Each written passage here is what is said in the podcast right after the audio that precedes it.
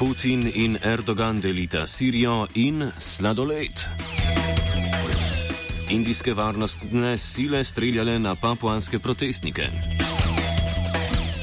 Britanski premijer Boris Johnson prosi kraljico naj suspendira parlament. In levica za ukinitev dopolnilnega zdravstvenega zavarovanja.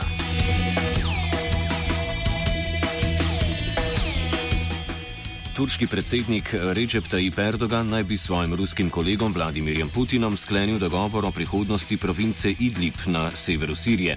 Idlib je poslednje večje zatočišče islamističnih upornikov v Siriji in kljub dogovorjeni demilitarizaciji pa so zadnje dni sirske vladne sile v podpori ruskega letalstva napredovale na območje in med drugim obkolile vojaško porišče turške vojske.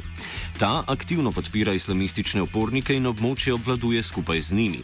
Ne turška, ne ruska stran nista razkrili podatkov o dogovoru, ki zadeva sirsko ozemlje. Je pa znano, da se je Erdogan s Putinom pričel dogovarjati o večjem nakupu ruskih vojaških letal, Putin pa je Erdoganu kupil kepico sladoleda. Vroče je tudi v jugovzhodni Aziji. Indonezijska policija je streljala na zahodne papuance, ki že od 17. avgusta demonstrirajo zaradi diskriminatornega odnosa indonezijcev. Ubitih naj bi bilo najmanj šest civilistov, vendar natančnih podatkov ni, saj je Indonezija na zahodni papuji prekinila internetno povezavo, da bi preprečila širjenje provokativnih sporočil. Medtem ko predstavnik Združenega osvobodilnega gibanja Zahodne Papue Markus Haluk svari, da se streljanje nadaljuje, predstavnik indonezijske policije Dedi Prasetjo poročila o streljanju protestnikov zanika, rekoč, da gre za provokacijo. Protesti na Zahodni Papui, ki so se začeli zaradi rasističnega napada na papuanske študente v Surabaji, so medtem prerasli v zahtevo po ponovnem referendumu o neodvisnosti Zahodne Papue od Indonezije, ki si je to ozemlje pripojila leta 1999. 1965 s sila spornim referendumom.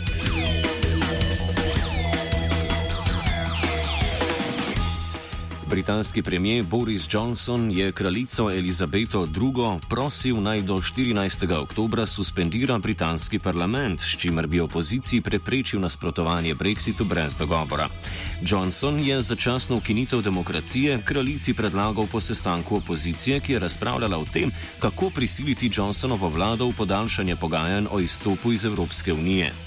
Kraljica, ki ima sicer predvsem ceremonialno vlogo, je tako postavljena pred politično odločitev z možnostjo velikanskih posledic.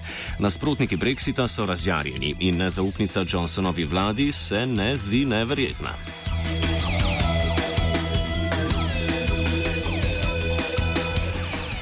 Otoplili so se tudi odnosi med Kitajsko, tako imenovano komunistično partijo, in Vatikanom. 12 milijonov kitajskih katolikov je namreč razklanih med nezakonito Vatikanu zvesto crkvijo, delujočo v podzemlju, in dovoljenim partiji zvestim kitajskim katoliškim patriotskim združenjem. Kljub temu, da je Kitajska v zadnjih letih podrla več ilegalnih katoliških crkva, je prvič po revoluciji prišlo do združevanja ločenih katoliških organizacij.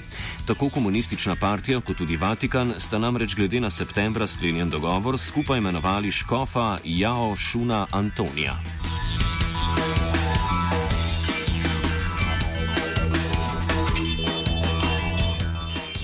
17-letni palestinski študent Ismail Adžavi, ki je bil sprejet na Harvard, je ob prihodu na bostonsko letališče doživel mrzel tuš. Po večurnem zaslišanju so ameriški obmejni policisti na njegovih socialnih omrežjih